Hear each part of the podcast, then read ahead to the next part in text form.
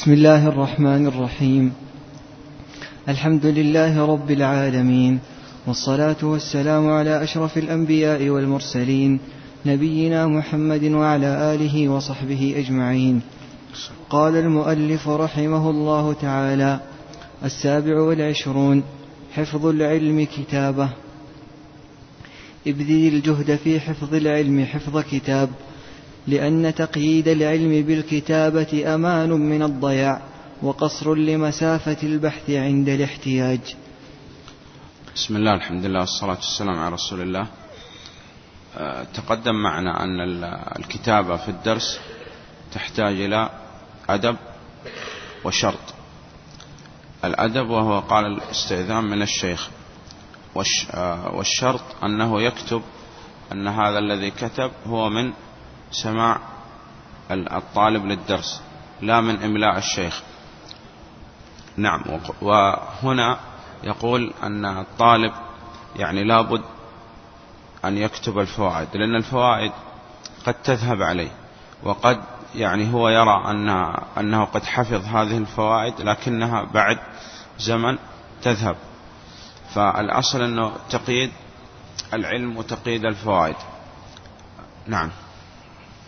لا سيما في مسائل العلم التي تكون في غير مظانها.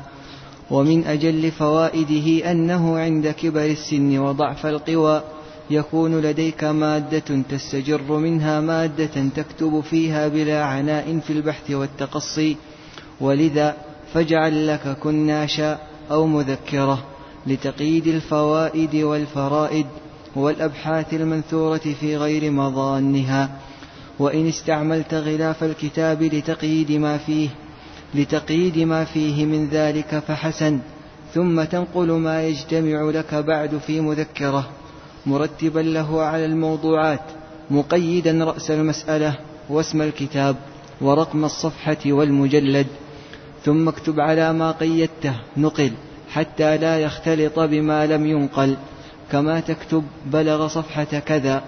فيما وصلت إليه من قراءة الكتاب حتى لا يفوتك ما لم تبلغه قراءة. نعم هذا تقدم معنا نصيحة للشيخ بن عثيمين رحمه الله أنه يقول أنه الأصل لطالب العلم تكون عنده مذكرة في الجيب يضعها ويكتب فيها الفوائد. المذكرة يقول هذه يرتبها بعد يعني بعد أن يأخذ منها هذه الفوائد ينقلها إلى يعني كتاب عنده في الأصل فقال يرتبها إما على الموضوعات مثال على الأبواب الفقهية مثلا أنه هذا في باب النكاح وهذا في باب الطهارة وكذا. أو يقول الشيخ بن عثيمين رحمه الله يرتبها على على حروف المعجم على حروف هجائية وهذا يقول يعني أسرع في الرجوع لها. وإذا نقل هذه الفوائد من هذه المذكرة الصغيرة إلى الكتاب يعني الكتاب الأصل هو الذي يكتب فيه هذه الفوائد الذي يرتب على حروف المعجم أو على المواضيع.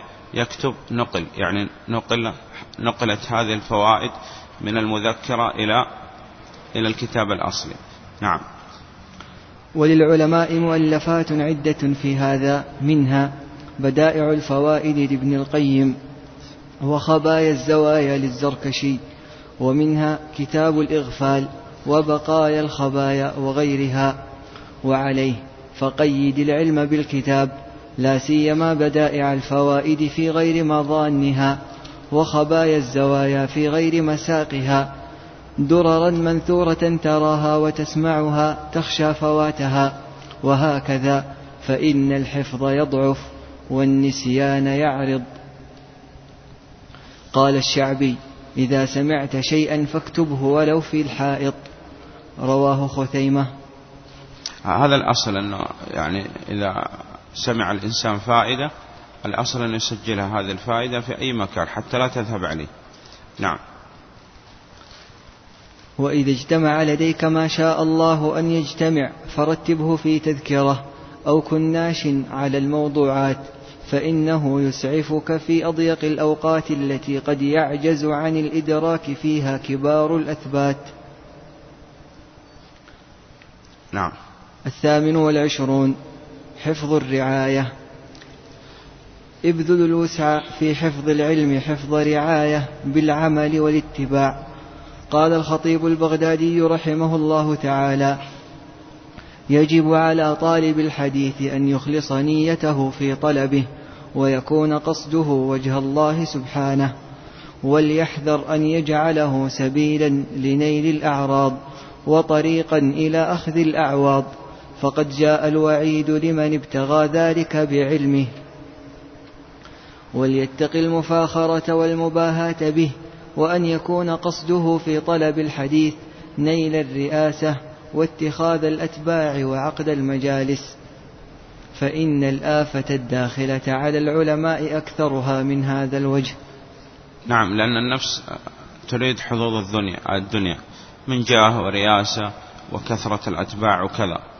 قال في الأصل أن تقدم معنا في أول هذا المثل الإخلاص لله سبحانه وتعالى أن هذا الأصل. وأول من تسعر بهم النار ثلاثة منهم عالم علم العلم ولم يعمل به وعالم بعلمه لم يعمل معذب من قبل عباد الوثن. إذا لابد من رعاية هذا العلم بالعمل وبالدعوة وقال بتعهد ما تعلم. نعم. وليجعل حفظه للحديث حفظ رعاية لا حفظ رواية. أي نعم. سواء كان يقول هو كان شيء من الحفظ أو شيء من الفهم فلا بد أن يراجع هذه المحفوظات. نعم. فإن رواة العلوم كثير ورعاتها قليل ورب حاضر كالغائب وعالم كالجاهل وحامل للحديث ليس معه منه شيء إذ كان في اطراحه لحكمه بمنزلة الذاهب عن معرفته وعلمه.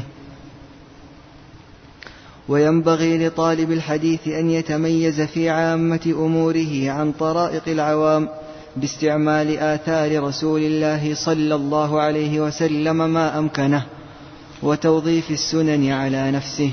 إذا هذا هو أن الأصل أن, أن يظهر أثر طلب العلم على طالب العلم. وهذا هو الرعاية للعلم يعني بالعمل وإظهار السنن ومحاربة البدع. وشيخ الإسلام ابن تيمية رحمه الله في العقيدة الواسطية وقال من طريقة أهل السنة والجماعة اتباع آثار النبي صلى الله عليه وسلم ظاهرا وباطنا. هذا الأصل أن توظيف السنن يعني العمل بالسنة في المواطن التي جاءت فيها. مثاله يعني عندما يدخل المسجد يقول الذكر الوارد عن رسول الله صلى الله عليه وسلم في دخول المسجد. آه، مثاله في لبس الثياب وكذا يطبق سنة النبي صلى الله عليه وسلم. وعلى هذا يقول نعم. وتوظيف السنن على نفسه فإن الله تعالى يقول لقد كان لكم في رسول الله أسوة حسنة. انتهى. لقد كان لكم في رسول الله أسوة حسنة وكان النبي صلى الله عليه وسلم يراجع مع جبريل القرآن عليه الصلاة والسلام. نعم.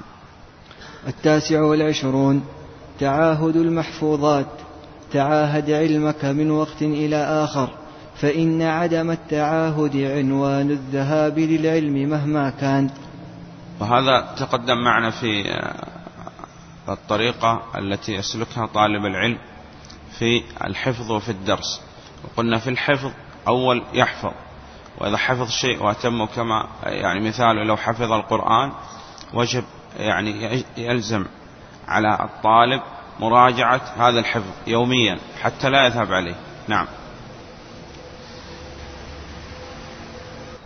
وعن ابن عمر رضي الله عنهما أن رسول الله صلى الله عليه وسلم قال إنما مثل صاحب القرآن كمثل صاحب الإبل المعقلة. إن عاهد عليها أمسكها وإن أطلقها ذهبت.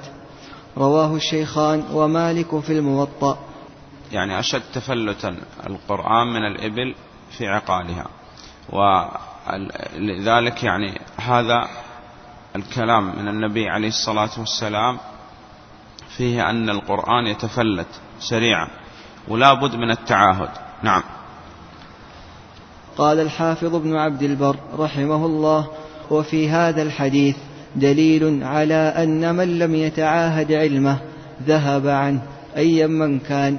لأن علمه كان ذلك الوقت لأن علمه كان ذلك الوقت القرآن لا غير. وإذا كان القرآن الميسر للذكر يذهب إن لم يتعاهد فما ظنك بغيره من العلوم المعهودة.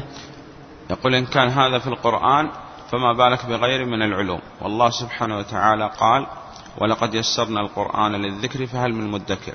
فقال هو سهل لكن أشد تفلتا. إذا غيره من العلوم يكون أشد من تفلت القرآن.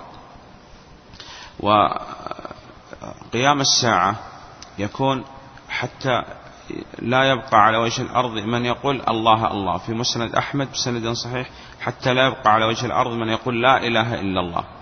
وقال أنه في قول أهل السنة والجماعة في القرآن أنه كلام الله قال منه بدأ وإليه يعود. إليه يعود قبضا لأن الله سبحانه وتعالى يقبض القرآن في آخر الزمن. وهذا نسأل الله السلامة والعافية عندما يترك الناس العمل به. نعم. وخير العلوم ما ضبط أصله. هذا خير العلوم. إذا انضبط الأصل فهو يضبط أصول في كل فن ودائما يتعهدها بالمراجعة والدراسة. نعم. وخير العلوم ما ضبط أصله واستذكر فرعه وقاد إلى الله تعالى ودل على ما يرضاه. وقال بعضهم كل عز لم يؤكد بعلم فإلى ذل مصيره. انتهى. نعم.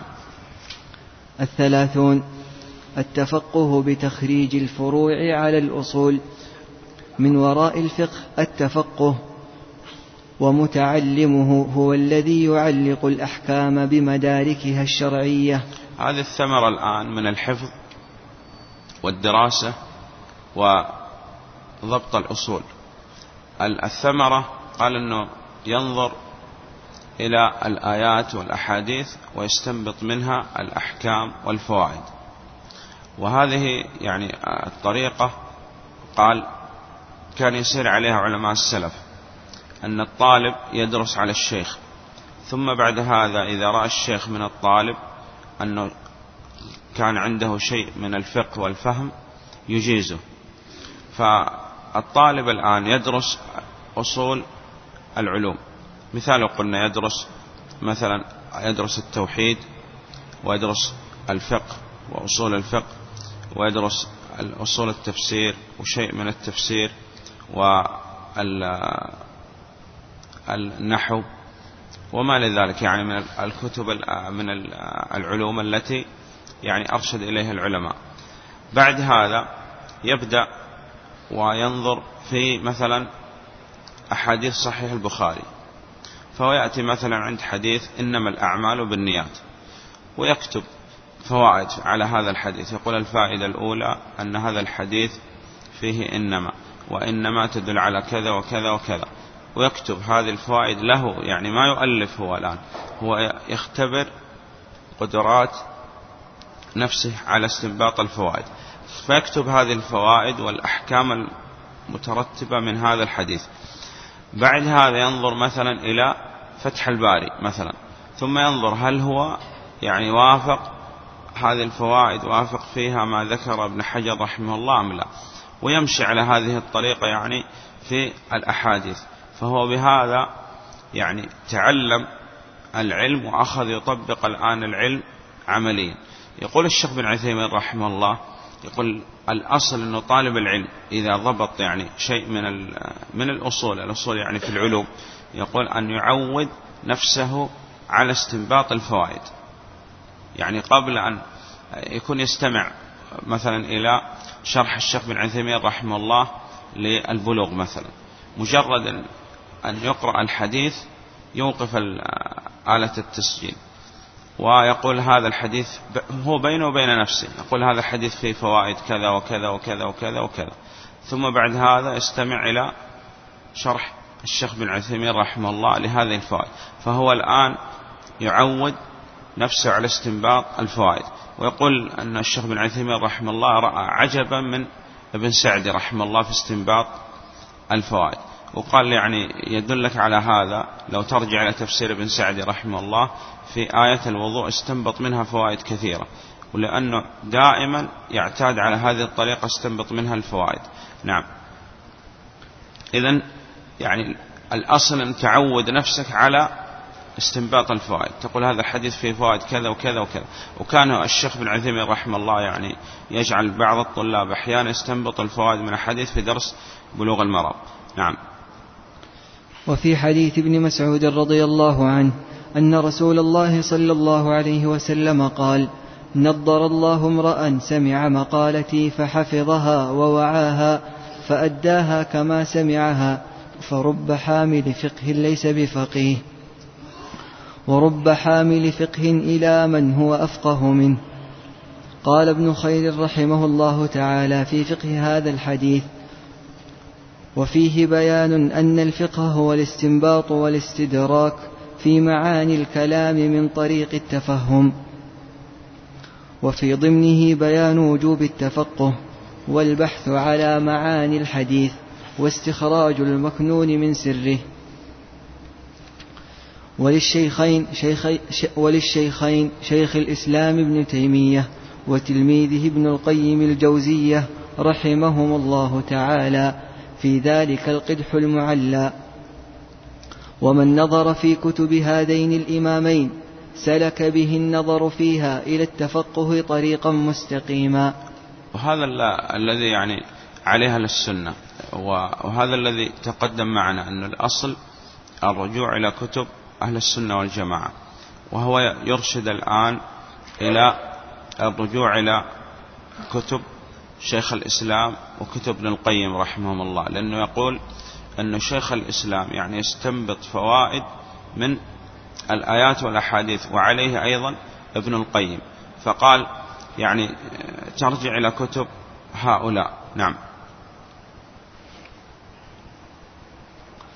ومن مليح كلام ابن تيمية رحمه الله تعالى قوله في مجلس للتفقه أما بعد. فقد كنا في مجلس التفقه في الدين والنظر في مدارك الأحكام المشروعة تصويرا وتقريرا وتأصيلا وتفصيلا. فوقع الكلام في فأقول لا حول ولا قوة إلا بالله هذا مبني على أصل وفصلين. نعم أنه كان يعني شيخ الإسلام يعني يفصل في المسائل. وهذا هذه الطريقة التي يقول أنه سار عليها شيخ الإسلام تأصيل وتفصيل المسائل هذه دليل على الضبط. نعم. ومنها يعني ما عليه الشيخ بن عثيمين من يقرأ في كتب الشيخ بن عثيمين ككتاب مثلا القول المفيد على كتاب التوحيد يعرف أن الشيخ أراد بشرح لكتاب التوحيد التقعيد والتأصيل للطلاب حتى يعني متى يعني بإذن الله. آه، سئل عن هذه المسألة يستطيع التفصيل فيها كما فصل مثلا في باب في باب الرياء وفي باب الذبح وفي باب الخوف والدعاء وغيره. نعم. واعلم أرشدك الله أن بين يدي التفقه التفكر؟ نعم. آه، تفكر أولا ثم بعد ذلك يبدأ باستنباط الأحكام. نعم.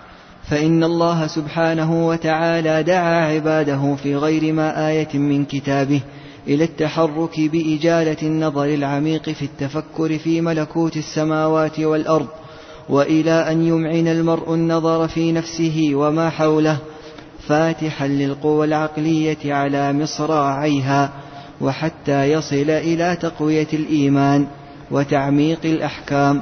نعم. وهذا معتقد أهل السنة والجماعة قال أن الإيمان يزيد وينقص يزيد بالطاعة وينقص بالمعصية ومن أسباب زيادة الإيمان التفكر في مخلوقات الله. أول أول سبب لزيادة الإيمان هو دراسة التوحيد ودراسة الأسماء والصفات. الثاني قال التفكر في مخلوقات الله. الثالث العمل بما جاء في الكتاب والسنة. الرابع ترك المعاصي. هذا من أسباب زيادة الإيمان. أربعة. وأسباب نقص الإيمان ضد هذه الأربعة. ترك دراسة التوحيد ودراسة الأسماء والصفات ترك التفكر في مخلوق في مخلوقات الله ترك العمل بما جاء في الكتاب والسنة. الرابع نسأل الله السلامة العافية يقول أنه يأتي بالمعاصي. نعم. وحتى يصل إلى تقوية الإيمان وتعميق الأحكام والانتصار العلمي. كذلك يبين الله لكم آياته لعلكم تعقلون. قل هل يستوي الأعمى والبصير؟ أفلا تتفكرون؟ وعليه فإن التفقه أبعد مدى من التفكر إذ هو حصيلته وإنتاجه. وإلا فما لهؤلاء القوم لا يكادون يفقهون حديثا. لكن هذا التفقه محجوز بالبرهان محجور عن التشهي والهوى. ولئن اتبعت أهواءهم بعد الذي جاءك من العلم ما لك من الله من ولي ولا نصير. وأهل السنة والجماعة قال اولا يستدل ثم بعد هذا يعتقد. والمخالفين لأهل السنة. قال يعتقد أولا ثم بعد هذا يستدل. فقال الأصل هو الكتاب والسنة. تركت فيكم أمرين لن تضلوا ما أن تمسكتم بهما. نعم. فيا أيها الطالب تحل بالنظر والتفكر والفقه والتفقه لعلك أن تتجاوز من مرحلة الفقيه إلى فقيه النفس. كما يقول الفقهاء وهو الذي يعلق الأحكام بمداركها الشرعية أو فقيه البدن كما في اصطلاح المحدثين. فأجل النظر عند الواردات بتخريج الفروع على الأصول وتمام العناية بالقواعد والضوابط. تمام العناية بالقواعد التي قعدها العلماء. مثال الأمر للوجوب. وغيره من القواعد التي وضعها العلماء. فقال الأصل أنك تعرف القواعد لأن هذه القواعد تجمع مسائل كثيرة متفرقة. وعندما تأتي قلنا في التدريب على استنباط الفوائد والأحكام من الأدلة على أسس سليمة هذه الأسس السليمة. أولا تضبط الضوابط التي ضبطها العلماء رحمهم الله والقواعد الفقهية. وثم تخرجها على النصوص. نعم. وأجمع للنظر في فرع ما بين تتبعه وإفراغه في قالب الشريعة العام من قواعدها وأصولها المضطردة كقواعد المصالح ودفع الضرر والمشقة وجلب التيسير وسد باب الحيل وسد الذرائع. يقول هذا كلها أصول عندهم. المشقة تجلب التيسير وأن الأمر إذا ضاق اتسع مثلا وقال أنه ترك التحايل على الشرع لأنه هذا ليس من الفقه أصلا بل هذا هو الذي يعني ذم الله سبحانه وتعالى به اليهود أنهم كانوا يتحايلوا. نعم. وهكذا هديت لرشدك أبدا فإن هذا يسعفك في مواطن المضايق. وعليك بالتفقه كما أسلفت في نصوص الشرع والتبصر فيما يحف أحوال التشريع والتأمل في مقاصد الشريعة فإن خلا فهمك من هذا أو نبى سمعك فإن وقتك ضائع وإن اسم الجهل عليك لواقع. نعم لأنه بهذه الطريقة يكون فقط يعني حفظ. ولم يطبق هذه القواعد. إذا لابد من التطبيق والعمل. نعم. وهذه الخلة بالذات هي التي تعطيك التمييز الدقيق والمعيار الصحيح لمدى التحصيل والقدرة على التخريج. فالفقيه هو من تعرض له نازلة لا نص فيها فيقتبس لها حكما. والبلاغي ليس من يذكر لك أقسامها وتفريعاتها لكنه من تسري بصيرته البلاغية في كتاب الله مثلا. نعم. يقول هذا مثاله يعني يأتي بعض العلماء مثلا بقاعدة من القواعد الفقهية. المشقة تجلب التيسير ثم يذكر عليها مثال من الكتاب أو السنة. فقال الأصل أنك إذا يعني قرأت هذه القاعدة لابد تأتي بمثال زائد على ما ذكر المؤلف وهذا دليل أنك فهمت هذه القاعدة وبدأت تطبق هذه القاعدة على النصوص. أنك ما تكتفي بالمثال الذي ذكره العالم لأنك لو اكتفيت بهذا كأنك فقط حفظت ولم تعمل بهذه القواعد ولم تطبقها على النصوص. نعم.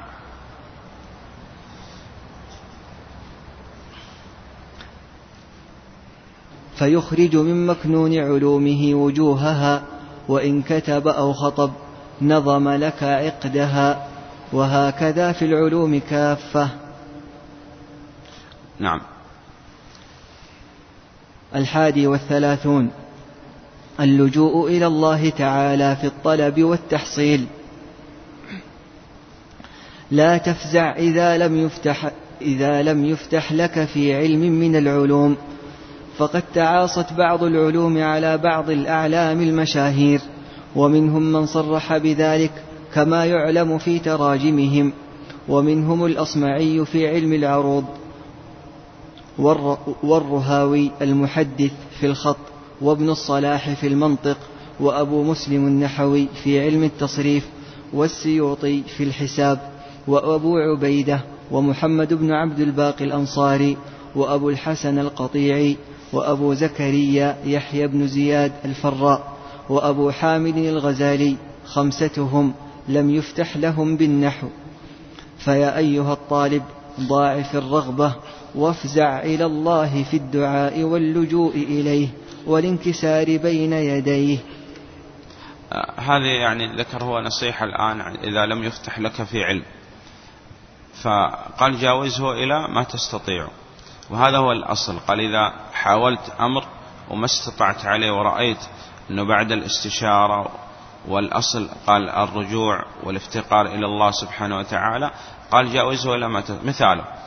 آه، بدأ في دراسة علم الفرائض وكان يصعب عليه الحساب ولا يعرف الحساب أصلا هو وحاول بالدراسة وكذا وما فتح عليه في هذا الباب. قال يجاوز إلى علم آخر لكن يعني الطالب في أول الأمر في أول الدراسة قد يشق عليه هذا العلم لكن بالممارسة وبالتمرينات مثلا في باب الفرائض قال يتقن هذا الباب. يعني ما يمكن أنه يقول والله أنا يعني بقيت في هذا العلم أسبوعين ولم يفتح علي ويتركه لا ما يمكن هذا. فيحاول حتى يقدر على على هذا الباب. وإذا ما استطاع قال لا يكلف الله نفسا إلا وسع ينتقل إلى علم آخر. نعم. لكن هناك علوم إحنا تقدم معنا أنه ما يمكن أن يتركها أبدا. وهذه لا واجب تعلمها على كل أحد. مثل التوحيد صحيح؟ أنه لابد يتعلم التوحيد ولابد يعمل بالتوحيد وإلا نسأل الله السلامة والعافية. كان غير موحد. نعم. فيا أيها الطالب ضاعف الرغبة وافزع إلى الله في الدعاء واللجوء إليه والانكسار بين يديه. وكان شيخ الإسلام ابن تيمية رحمه الله تعالى كثيرا ما يقول في دعائه إذا استعصى عليه تفسير آية من كتاب الله تعالى. اللهم يا معلم آدم وإبراهيم علمني ويا مفهم سليمان فهمني فيجد الفتح في ذلك. نعم وإذا يعني أش... آه، كان آه، يعني ضيق عليه وكذا وبدأ ورأى أن الأمر يعني فيه صعوبة وكذا قال يستغفر فقلت استغفروا ربكم إنه كان غفارا يرسل السماء عليكم مدرارا يمددكم بأموال وبنين ويجعل لكم جنات ويجعل لكم أنهارا. هذا الأصل أنه قال أنه كان شيخ الإسلام إذا أشكل عليه فهم آية وكذا قال أخذ بالاستغفار والدعاء والالتجاء إلى الله سبحانه وتعالى. نعم. الثاني والثلاثون. الله أعلم أن نقف عند هذا. والله أعلم. وصلى الله على محمد وعلى صحبه وسلم. ماذا أخذنا في هذا اليوم؟ نعم. أن الطالب الأصل أنه قبل النظر في نصوص الكتاب والسنة وأخذ منها يعني الفوائد والفقه لابد من ضبط القواعد والضوابط التي ضبطها العلماء ومعرفة أصول الشريعة. نعم.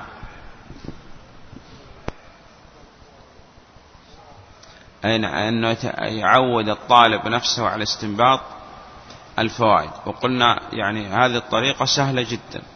إما عند استماع بعض الأشرطة يعني يوقف الشريط ويبدأ يستنبط الفوائد بينه وبين نفسه. يعني يعود دائما النفس على استنباط الفوائد. أو مثلا يقرأ في بعض الشروحات وهو ركز هنا على قراءة كتب شيخ الإسلام وابن القيم رحمهم الله تعالى. نعم. ال... نعم. الالتجاء إلى الله وإظهار الافتقار والإستغفار. نعم. نعم أنه يكتب الفوائد. لكن إحنا تقدم معنا أنه كتابة الفوائد في الدرس تحتاج إلى شرط وأدب هناك فرق يا مصطفى. هناك فرق بين كتابة كل ما يقول الشيخ وبين كتابة الفوائد والتقسيمات. فهو الآن الطالب إذا أراد في الدرس أن يكتب كل ما يقول الشيخ ما يستطيع. وإن كتب قد تذهب عليه المعلومات. لكن هو مثلا قلنا عنده هذه المذكرة مذكرة الجيب يكتب فيها فقط الفوائد ويكتب فيها يعني بعض التقسيمات ورؤوس أقلام. آه الآن بعض الطلاب يعني يفرغ الأشرطة. تفريغ الأشرطة فيه فوائد لكن يعني ليس بذاك الفائدة للطالب. فأنت عندما تستمع إلى شريط مثلا لأنه يعني الآن قد تكون في منطقة ليس فيها علماء أو يكون عندك أوقات وهذه الأوقات ليس فيها دروس. فتعود نفسك إحنا قلنا الطريقة. الآن مثلا يعني الشيخ يدرس معنا كتاب التوحيد وإحنا ندرس كتاب التوحيد على شرح الشيخ بن عثيمين القول المفيد. فهو الآن كل يوم يستمع لهذا الدرس الذي يعني لهذا الباب مثل مثاله. أخذنا أمس يعرف باب يعرفون نعمة الله ثم ينكرونها باب قول الله تعالى يعرفون نعمة الله ثم ينكرونها فهو عندما أخذ هذا الباب معنا ويعرف أنه يعني نرجع في الشرح إلى القول المفيد فهو مثلا بعد العصر أو بعد العشاء يرجع للسكن ويستمع إلى شريط الشيخ بن عثيمين رحمه الله لشرح لهذا لهذا الباب. وهو يستمع الشرح. ما يفرغ هذا الشرح. لا. لكن يكتب الفوائد والتقسيمات التي يذكرها الشيخ بن عثيمين رحمه الله في هذه المذكرة. لأن التفريق قال يضيع عليك أوقات كثيرة. لكن اقتناص الفوائد وغيره هي الفائدة لطالب العلم. فلا تشتغل بالتفريق. التفريق له من يقوم به. وكتب الشيخ بن عثيمين رحمه الله كلها ترى فرغت. وتخرج تبعا من مؤسسة الشيخ بن عثيمين رحمه الله تعالى. فأنت عليك الآن الدراسة وكتابة الفوائد. وتقدم معنا أيضا أن الطالب لابد يكون مجدد يعني يجدد شيء. لأنك الآن لو جاءنا الشيخ مصطفى ويريد يفرغ لنا شرح الشيخ بن عثيمين على كتاب التوحيد ما صنع شيء جديد للأمة صحيح؟ نعم. لكن هو يقتنص ويكتب الفوائد والدرر والتقسيمات وكذا. هو بهذه الطريقة صنع شيء مفيد للأمة من بعده. صحيح؟ وقال صحيح أن نقول كم ترك الأول للآخر. نعم. غيره. نعم. أي نعم. لابد تعهد الحفظ. وهذا يعني يتضح بحال الطلاب. بعض الطلاب تسأله تقول تعال أريدك أن تقرأ لي من آه، قول الله سبحانه وتعالى آه، الرحمن على العرش استوى. أكمل الآية. من أين هذه الآية؟ فهو يستحضر هذه الآيات في في القرآن. فإذا سرد لنا لو أربع مواضع فهذا أعرف لكن لو هو أعرف أن سبع مواضع. لكن هو لو ذكر لنا في القرآن أربع مواضع هذا دليل أنه دائما يتعهد القرآن ويراجع. ثم لو جاءنا الشيخ عبد العزيز قال أنا أحفظ القرآن مثلا نقول طيب نسألك. قال لا أنا غير مستعد الآن. انتظروني أراجع وبعد هذا أسأل. نقول لا هذا دليل أنك لم تحفظ. قال والله حفظت وعندي إجازة في القرآن. نقول هذا ما تنفع. آه، يحدثني بعض الأساتذة يقول عندنا في في حلقة تحفيظ القرآن إذا وجدنا مدرس يسمع للطلاب ومعه مصحف قال اللجنة يقول احضروا لنا هذا المدرس حتى نختبره فيه في القرآن. هو في الحقيقة ما وضعوا مدرس قرآن إلا يكون حافظ وضابط للقرآن لكن عندما يسمع للطلاب بمصحف هذا دليل أنه ما يضبط ولا يراجع أصلا. قال نختبره من جديد كأنه عينوه في هذا اليوم يختبرون من جديد إذا ضابط يبقوا على التدريس وإذا غير ضابط قال نفصل عن التدريس لأنه يا أخواننا لو واحد جاء إلى بعض العلماء وسألوا عن أسئلة فكل ما يسأل عن دليل يقول لا أعرف الدليل لا أعرف الدليل لا أعرف الدليل فهذا دليل على أنه هذا لا يصلح أن يكون عالم صح؟ لأنه ما يعرف يعني أمور كثيرة وبعضها يكون تكون واضحة وإذا سألنا طالب يعني عن آيات في كتاب الله وقال أن الطالب هذا يحفظ القرآن. ونسأل عن مواضع كثيرة في القرآن ما يعرفها. هذا دليل أنه لا يحفظ القرآن. قد يكون حافظ القرآن والآن لم يراجع ولم يضبطه نقول لابد تعيد من جديد حفظ القرآن. وهذا مهم يا أخواننا يعني ترى إحنا تقدم معنا أن الشيخ بن عثيمين رحمه الله قال ذهب كل شيء وبقي ما حفظنا. إذا هذا الحفظ لابد تتعهدوا دائما. وإذا لم تتعهدوا كأنه يعني تزداد يعني حسرة لأنه إذا ما كنت تحفظ شيء لا إشكال لكن تحفظ ثم لم تتعهد هذا الحفظ وذهب هذا الحفظ قال هذا يكون عندك حسرة على هذا الذي حفظت ثم ذهب. نسأل الله السلامة والعافية. والله أعلم. وصلى الله على محمد وعلى صحبه وسلم.